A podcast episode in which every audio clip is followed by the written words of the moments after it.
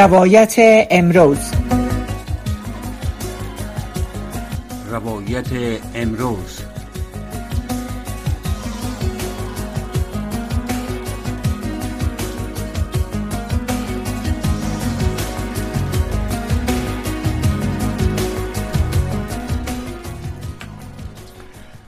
سلام شنوندگان عزیز به برنامه روایت امروز از رادیوی صدای امریکا خوش شما را خوش آمدید می‌گویم.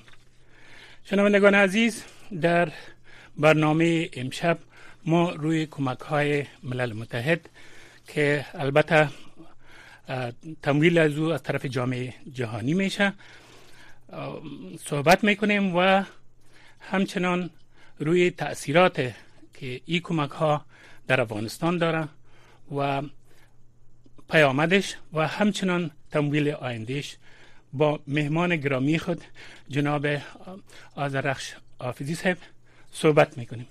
می‌بینیم که ایشان در خط تلفن آمدن یعنی خب اونا تشریف میارن و قبل از که ما صحبت شروع کنیم یک البته ما یک گزارشی داریم از گزارشگر خود که در مورد کمک های ملل متحد خاصتا برنامه غذایی جهان است. او را بشنوین. بعد از او به تعقیب از او ما با صحبت های خود با جناب آفیزی صاحب ادامه میدیم.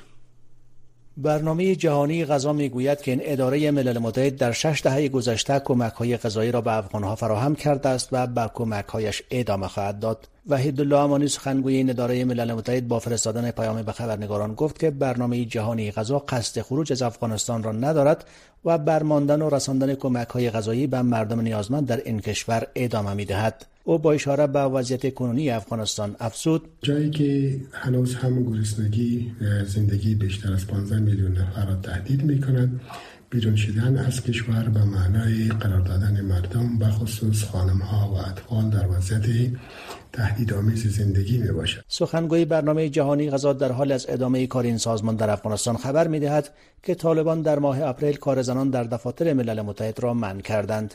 همچنان این گروه پیشتر از آن در ماه دسامبر سال گذشته میلادی زنان افغان را از کار در سازمانهای غیر حکومتی داخلی و خارجی من کرده بودند. با این حال امانی گفت که برنامه جهانی غذا به این باور است که زنان می توانند کمک های بشردوستانه را به نحو احسن به زنان ارائه دهند و گفته امانی برگرداندن کارمندان زن به روند کمک رسانی در اولویت این اداره قرار دارد. ما به تلاش های خود در این عرصه در همه سطوح ادامه می‌دهیم. و از این محدودیت ها بالای کار خانم ها خطر بزرگی در عرصه رساندن کمک های بشری در افغانستان است. همچنان امانی تایید کرد که به دلیل مشکلات موجود در تامین بودجه این سازمان کمک های خود را به نیازمندان در افغانستان کاهش داده است.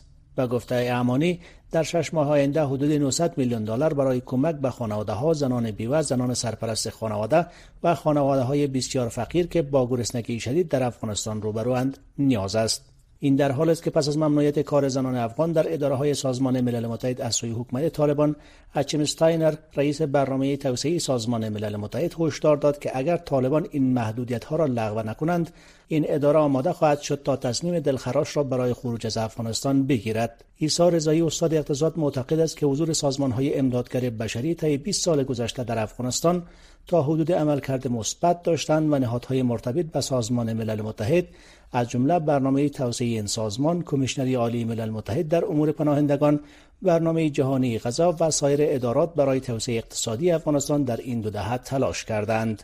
رضایی تاکید کرد که اگر روز نهادهای امدادگر بین‌المللی افغانستان را ترک کنند وضعیت این کشور از لحاظ اجتماعی و اقتصادی به مراتب بدتر و وخیمتر از 20 سال قبل خواهد شد.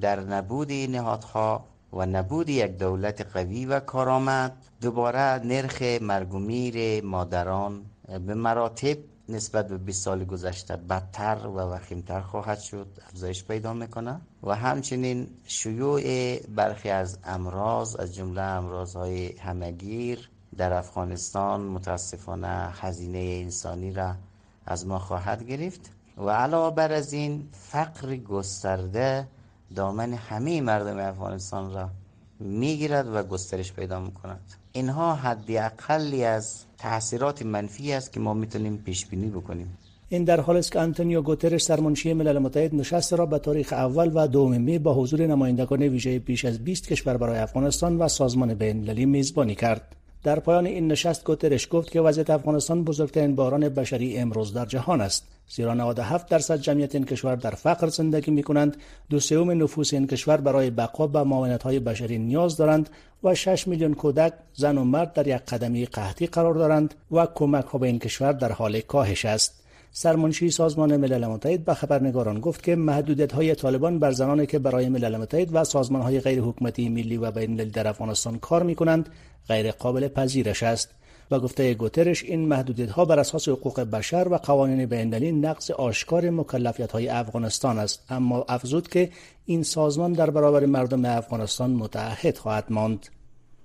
خب شنوندگان عزیز شما این گزارش شنیدین که در مورد کمک های ملل متحد برای مردم افغانستان بود. خب ما در برنامه امشب میمان گرامی خود جناب آزرخش حافظی صاحب داریم که جوانب مختلف کمک ها را و تداومش با ما بحث می‌کنن. جناب حافظی صاحب برنامه خوش آمدین. سلام بر شما. و به شنونده های محترم رادیوی آشنا صدای امریکا و همکاران گرامی شما. خب تشکر از اشتراک شما در این برنامه. جناب حافظی صاحب شما قسما این گزارش شنیدین که جوانب و پهلوهای متعدد داره اولی که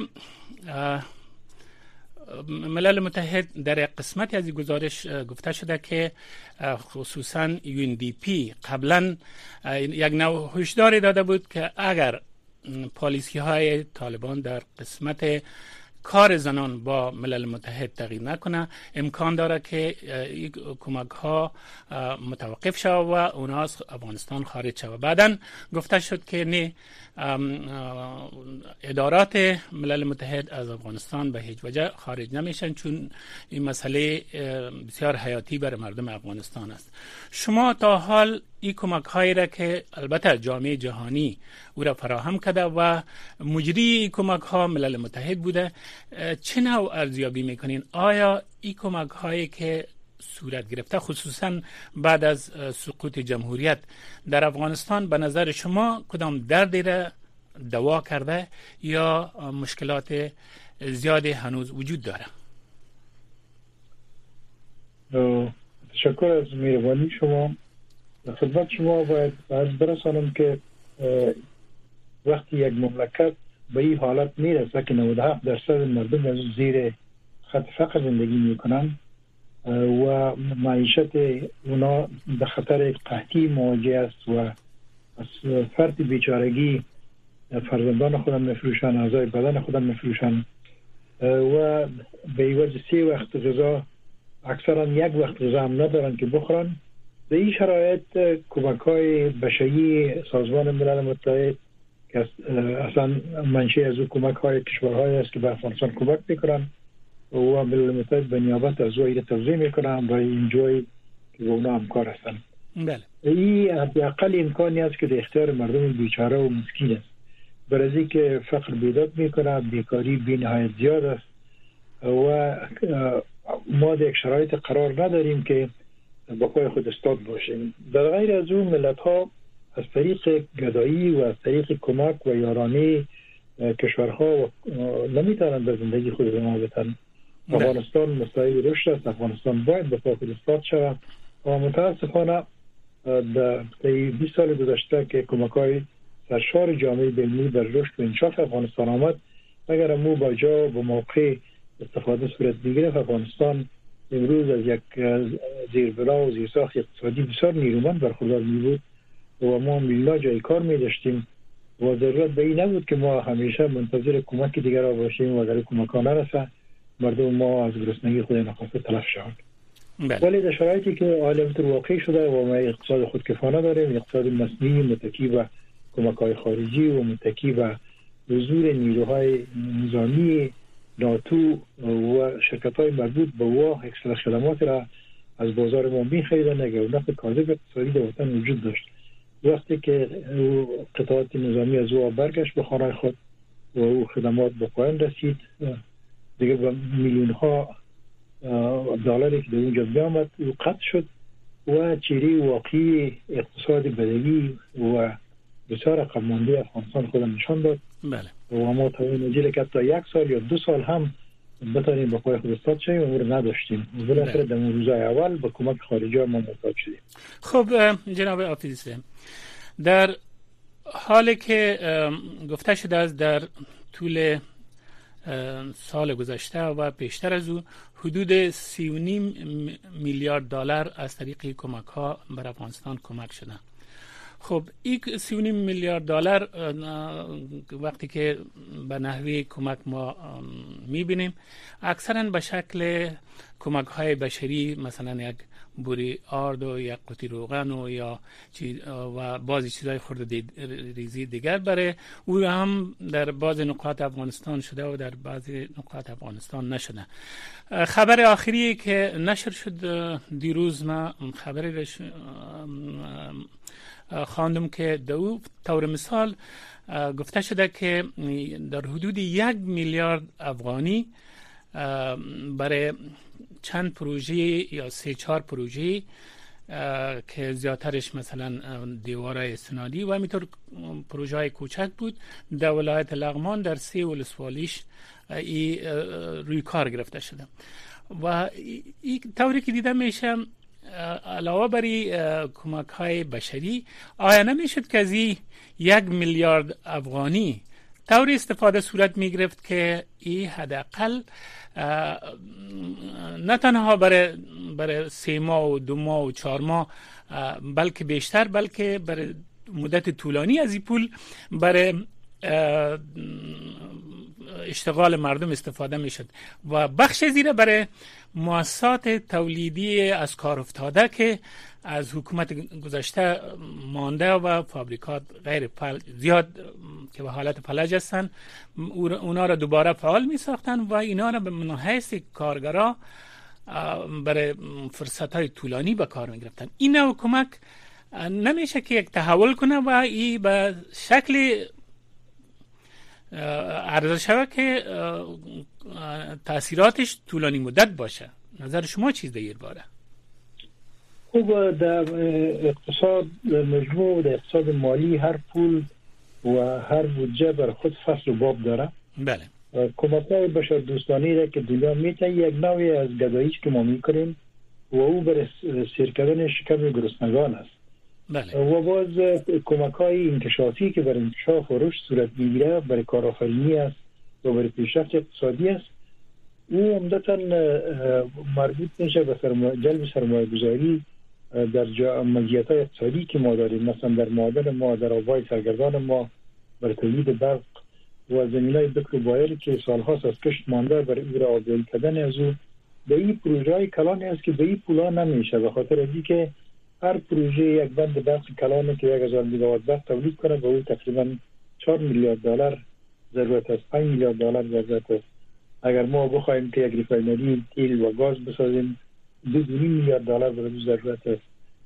اگر معدن کلان من معدن مس عینک و معدن آهن حاجیگک و اینا را ما استخراج کنیم در هر کدام از بیش از 5 میلیارد دلار ضرورت است. و این پولا را دنیا نمیته برای ما به خاطر از که اول خو افغانستان از سیستم اقتصاد مالی دنیا هست شده. ما حتی پول خود که محصل صادرات ما از هندوستان از کشور دیگه پس به افغانستان رسما از طریق بانک آورده نمی‌کنیم از این نقطه نظر ما در یک مجلسه بسیار کلان قرار داریم. این کمک ها ماهیت آنی فوری و برای دفع گرسنگی مردم است. و در بعضی موارد به خاطر خدمات صحی است و در بعضی موارد به خاطر آموزش و پرورش کودکان افغانستان است. از او بالاتر فراتر ای که بودجه انکشافی باشه و برای ساختن زیربنای اقتصادی یا برای ساختن مؤسسات تولیدی باشه که باز تولید داشته باشه متاسفانه این پیسا بر از اون نیست. در یکی دیگر هم برای باید بگم که میلیارد که داده میشه این برام افغانستان گرفته میشه.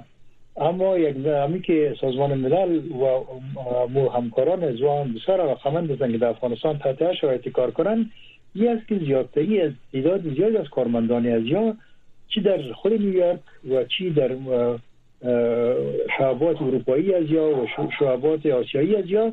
اینا در مجموع از این پول تمویل میشن یعنی معاشات خود از می‌گیرن درست تقریبا نصف از این پول مصارف اداری و عملیاتی سازمان ملل متحد و اینجوری میشه که اونا اقدامات انجام میتن در افغانستان در نبود یک دولت رسمی بله. و بر مردم اگر فساد نباشه هم نصف این کمک می‌رسه اگر باز مشمول فساد شد و مشمول یک مثلا خورد بردا باز مقدار پولی که مردم می‌رسه بی نهایت کم است.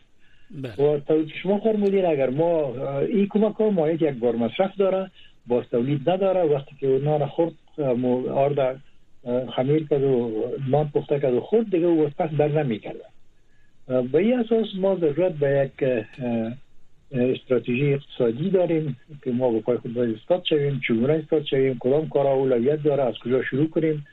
در این موارد کارهای زیادی صورت گرفته. از جمله خودم هم در این مورد شما تجربه‌ای داریم. بعض کارهای تحقیقاتی زیاد انجام دادیم. هم در اسناد اتاق وجود دارم در یادداشت شخصی خود من. خب. و اگر دولت مقتدر ملی که طرف تایید جامعه بلدلی باشه و از افکار کامل اقتصادی و سیاسی برخوردار باشه می‌تونه که با استفاده از این نظریات افغانستان در مدت ما حتی در کوتاه مدت ما می‌تونیم از کشورهای منطقه که پیش شویم. برای اینکه تمام مؤلفات داریم.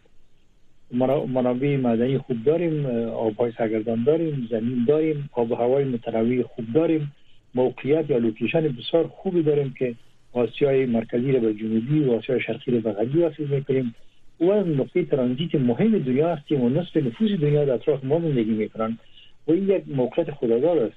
ولی تو بهره برداری کنیم از چه قسم استفاده کنیم تا به خیر و فلاح مردم ما تمام شود. این نیاز به در قدم اول به یک بستر سیاسی مناسب داره درست. خب جناب آفیز صاحب در شرایطی که فعلا یعنی طالبا در افغانستان مسلط هستند و حکومتشان به اصطلاح میچله از یک طرف و از جانب دیگر جامعه بین المللی هم شرط و شرایطی داره برای شناخت طالبا به رسمیت شناختن طالبان این مشکل دیگه. و از طرف سوم مسئله مسئله فقر همگانی در افغانستان است. خب از یک طرف جامعه بین المللی اگر دست خود می‌گیره و کاهش میده و از طرف دیگر خود طالبا اگر پولی هم کمایی می‌کنن یا عایداتی را که دارن او شاید به این خاطر به مصرف نرسانن که به جامعه بین المللی شاید در قسمت کمک های بشری با مردم افغانستان کمک کنه. و در این حال خود طالبان اداره می‌کنن که سیاست زونا اقتصاد مح- محور است و اگر هر چیزی که دارن اونا برای سرمایه گذاری و برای اقتصاد افغانستان به مصرف میرسانن تا حال این کارکردگی هایی که طالبا در این راستا داشتن در قسمت سرمایه گذاری در قسمت تجارت به نظر شما تا کدام اندازه قابل عزیز تذکر است؟ خصوصا که یکی از گزارش های بانک جهانی یک چند شاخصش اینطور وانمود می‌کنه که پول افغانستان پول افغانستان یا پول افغانی استقرار پیدا کرده فساد کم شده و همچنان صادرات افغانستان زیاد است در مجموع این کارکردگی های طالبان دی پس منظر چگونه شما ارزیابی می‌کنین؟ خب خدمت شما از کنم که وقتی که شما از صفر شروع کنیم بله. عدد پنج هم یک رقم کلان است. بله. عدد ده هم یک عدد کلان است. وقتی که مقیاس های جهانی رو مد نظر بگیرین و از میلیارد شروع کنین باز پنج و ده و هزار و ده هزار در حساب نمیه بله.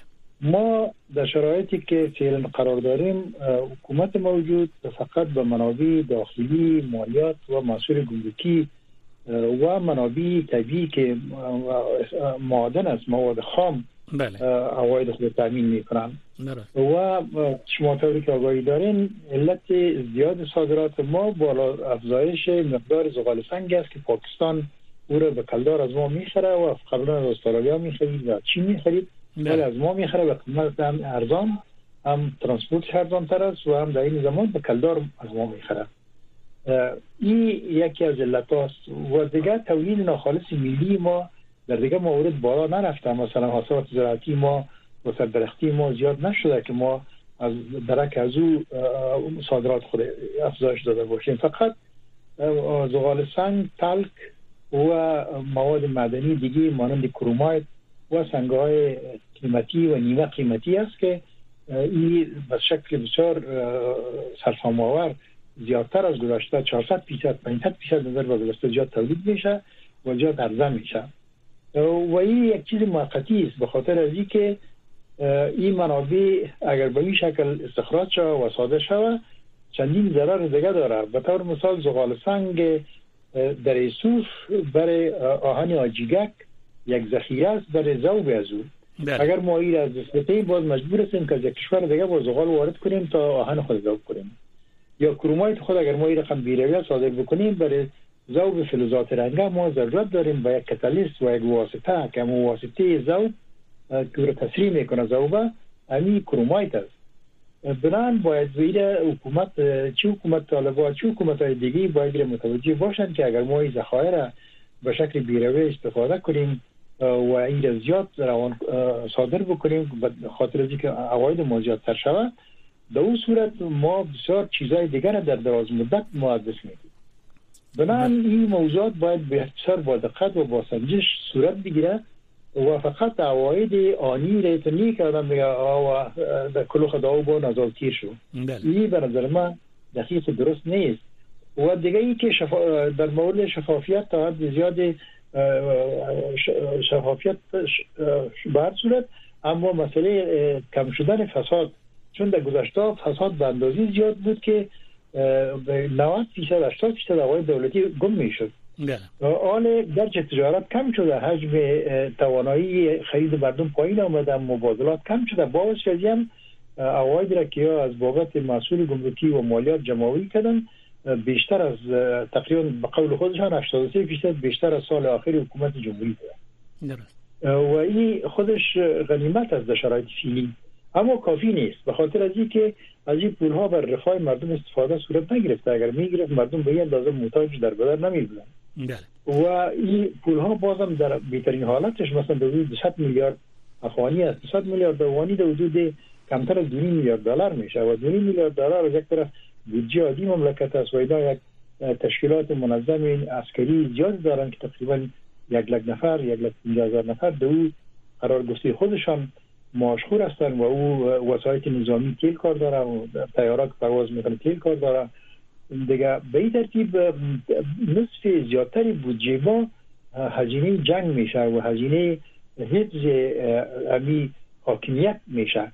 در حالی که حاکمیت ها باید خدمتگار مردم باشن. حاکمیت برای حاکمیت برای حفظ حاکمیت خودش بر مردم فاجعه بار میاره.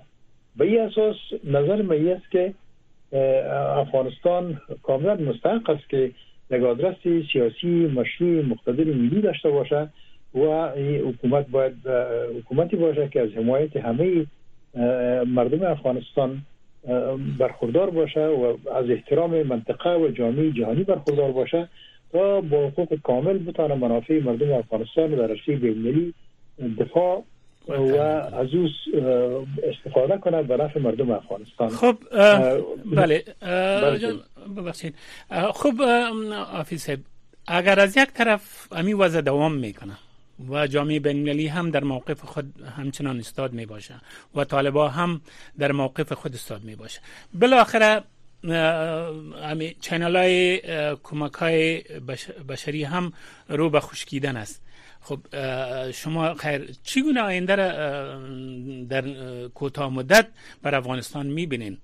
آیا این 97 درصد فقر بالاخره به 100 درصد می‌رسه؟ یا ای که مردم در قبال از وضعیت چی مسئولیت دارن که خودشان خیر برای زندگی و حیات خود؟ چی در صدد چی باشن؟ یکی از معلفه های مشروعیت هر نظام سیاسی مبارزی امون نظام بر ضد فقر ایجاد جای کار و تامین رفاه اقتصادی و اجتماعی بر مردم است. در پالی عدالت و امنیت. بله. وقتی که حکومت های وظایف انجام دادن نتانن مشروعیتشان زیر سوال میده و ای که 90 فیصد به 100 فیصد تبدیل شده تو نمیشه. همون 90 فیصد زیادتر از این حدی که اصلا فقیرتر میشه درجه فقرشان زیادتر میشه و همون 3 فیصدی که ثروتمنده هستن و اکثر خود سیاسیون می باشن و شریکای اقتصادیشان بله. اونا پولدارتر شده میرن. و شگاف طبقاتی فاصله بین فقر و ثروت به نهایت زیاد میشه. و این قابل تحمل در جامعه نیست. میگم یک ضرب مثل از میگه پتنگ شوی به جنگ شد یعنی به تنگ درست. شد به جنگ شد. درست. این مردم باز مجبور هستن آشوب می‌کنن. و به خاطر رفاه و به خاطر سعادت مردم باید گام های عملی برداشته شود و تلاش یک صورت بگیره خوب است ولی کافی نیست. خب درست می اواخر یک دو مسئله اینوستمنت یا سرمایه گذاری مطرح بود که یکی مسئله سرمایه گذاری در قسمت حفر کانال خوشتیپه در شمال افغانستان و همچنان دیگه سرمایه گذاری چین البته سرمایه گذارای چین در ساحه استخراج تیل و همچنان خوشبینی طالبا از این که در حدود ده میلیارد دلار اونا حاضر هستند که در قسمت لیتیم سرمایه گذاری کنند به نظر شما این سرمایه گذاری ها قابل قابل ملاحظه است یا چی در- دردی را دوا خواهد کرد یا خیر. فقط دو دقیقه وقت داریم جناب آفیس اه، ما- وقت ما متاسفانه. تجربه ما نشان بله. میده که چینایا بسیار معتاد هستند به سرمایه گذاری عملی. در گپ زیاد می‌زنن. مثلا بله. قراردادی مثل اینا که از ما در سال 2006 گرفتن. بله. امسال سال 2023 17 سال تیر میشه در 17 سال که او باید در سال 2008 و 9 ده به به ثمر بهره برسه. برداری سپرده می‌شد و در. حدود اه، 30 میلیون تن مس در طی 15 سال باید process می‌شد بله. و افغانستان از این بابت کم از کم سالانه در حدود 800 800 میلیون دلار می‌گرفت و دیگه اه، شا... به خط آهن و تمدید می‌کردن از خود چین تا به افغانستان و تا به شمال افغانستان تا به مس عینک و تا به تورخم بله. او گپ هیچ کدام عملی نشد. دیگه همین مسئله آموداری ها را شما میگین یا آموداری ها یک دفعه سال 2013 قرارداد شد با کمپانی انتیسی چین و گروپ وطن یک بله. شرکت افغانی شریک از او بود. 30 درصد و 70 درصد چینایی بودن. بله.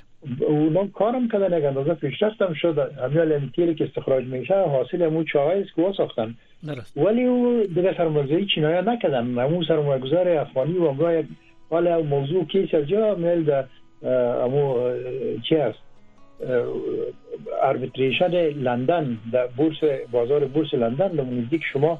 امیال واچی دارن در این مورد دعوا دارن با هم این گپای چینایی ها که 10 میلیارد در فلان جا سرمایه گذاری می‌کنه و 20 میلیارد در فلان در صورتی که اونا دولت افغانستان رو به یک دولت کامل حقوق به رسمیت نشناسن مطابق قوانین و نرمای بین‌المللی اقتصادی اینا هیچ نوع سرمایه گذاری واقعی عملی کرده نمی‌تونن فقط قراردادهای قبلی است که وجود داشت بین از اون امور دوباره پس یا بازخوانی کرده میرن.